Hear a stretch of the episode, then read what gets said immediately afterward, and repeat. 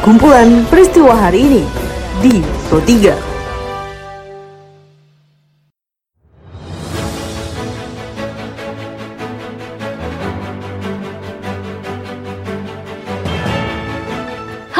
pendengar, saat ini Anda sedang mendengarkan kumpulan peristiwa Pro 3. Pada podcast ini saya akan mengulas terkait isu-isu aktual yang saat ini masih hangat juga ramai diperbincangkan di sekitar kita. Tentu saja nanti akan saya hadirkan cuplikan informasi dari reporter kami. Saya Tika Anantia. Inilah kumpulan peristiwa Pro 3 di ruang dengar Anda. Pendengar sebelum masuk ke dalam beberapa isu aktual yang akan saya hadirkan sesaat lagi, saya ingin mengundang Anda terlebih dahulu untuk mampir dan follow sosial media kami di @rri Programa 3 di Instagram, Twitter, juga Facebook Anda. Apabila Anda ingin berita yang lebih aktual lagi, Anda bisa mengunjungi laman berita kami di rri.co.id. Baiklah pendengar, inilah kumpulan peristiwa Pro 3 selengkapnya. Pendengar Presiden Joko Widodo menginstruksikan Menteri Pekerjaan Umum dan Perumahan Rakyat Basuki Hadi Mulyono untuk segera memperbaiki sejumlah jembatan yang runtuh akibat banjir di Kalimantan Selatan dengan target rampung dalam waktu 3 hingga 4 hari sehingga distribusi bantuan tidak terganggu. Diliput reporter kami Rini Hairani berikut pernyataan dari Presiden Joko Widodo. Harus menemukan pola relasi yang saling menguntungkan antara usaha besar dengan UMKM. Semuanya harus untung, nggak bisa. Yang gede suruh rugi, yang UKM suruh untung, nggak. Semuanya harus untung.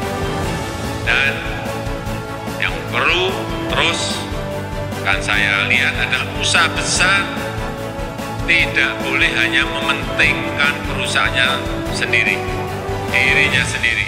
Tolong dilihat lingkungannya, ada usaha menengah, ada usaha kecil, asal usaha mikro libatkan dalam kegiatan-kegiatan perusahaan sehingga akan mengangkat usaha-usaha itu menjadi naik levelnya. Pendengar Komisi 3 Dewan Perwakilan Rakyat RI Herman Henry mengatakan akan menggelar uji kelayakan dan kepatutan calon Kapolri Komisaris Jenderal Listio Sigit Prabowo pada Selasa 19 Januari 2021. Diliput reporter kami Rizky Supermana berikut pernyataan dari Herman. Listio Sigit Jenderal muda ini bisa membawa pembaharuan di tubuh Polri, bisa menjadi seorang pimpinan Polri yang negarawan, yang bisa mengakomodir semua pihak dengan sistem profesional, bisa merangkul senior dan junior, mempersatukan dan mensolidkan institusi Polri. Pendengar trauma psikologis korban bencana mendorong masyarakat untuk mudah percaya terhadap informasi bohong atau hoax. Jaminan rasa aman bagi korban bencana akan membantu masyarakat untuk tidak mempercayai isu bohong yang beredar. Diliput reporter kami Nial Abdul, berikut pernyataan dari Kepala Badan BMKG Dwi Karnawati. Tidak perlu panik dan jangan terpancing oleh isu. Apalagi ada yang mengatakan kekuatannya bisa 8,2 ada lagi yang mengatakan harus keluar dari Mamuju. Tidak pernah BMKG menyatakan hal seperti itu. Salah sama sekali. Beralih ke informasi lainnya, pendengar masyarakat Ketungau Hulu, Kabupaten Sintang, Kalimantan Barat mengeluhkan sulitnya mendapatkan beras. Curah hujan yang tinggi berdampak kepada terganggunya distribusi beras.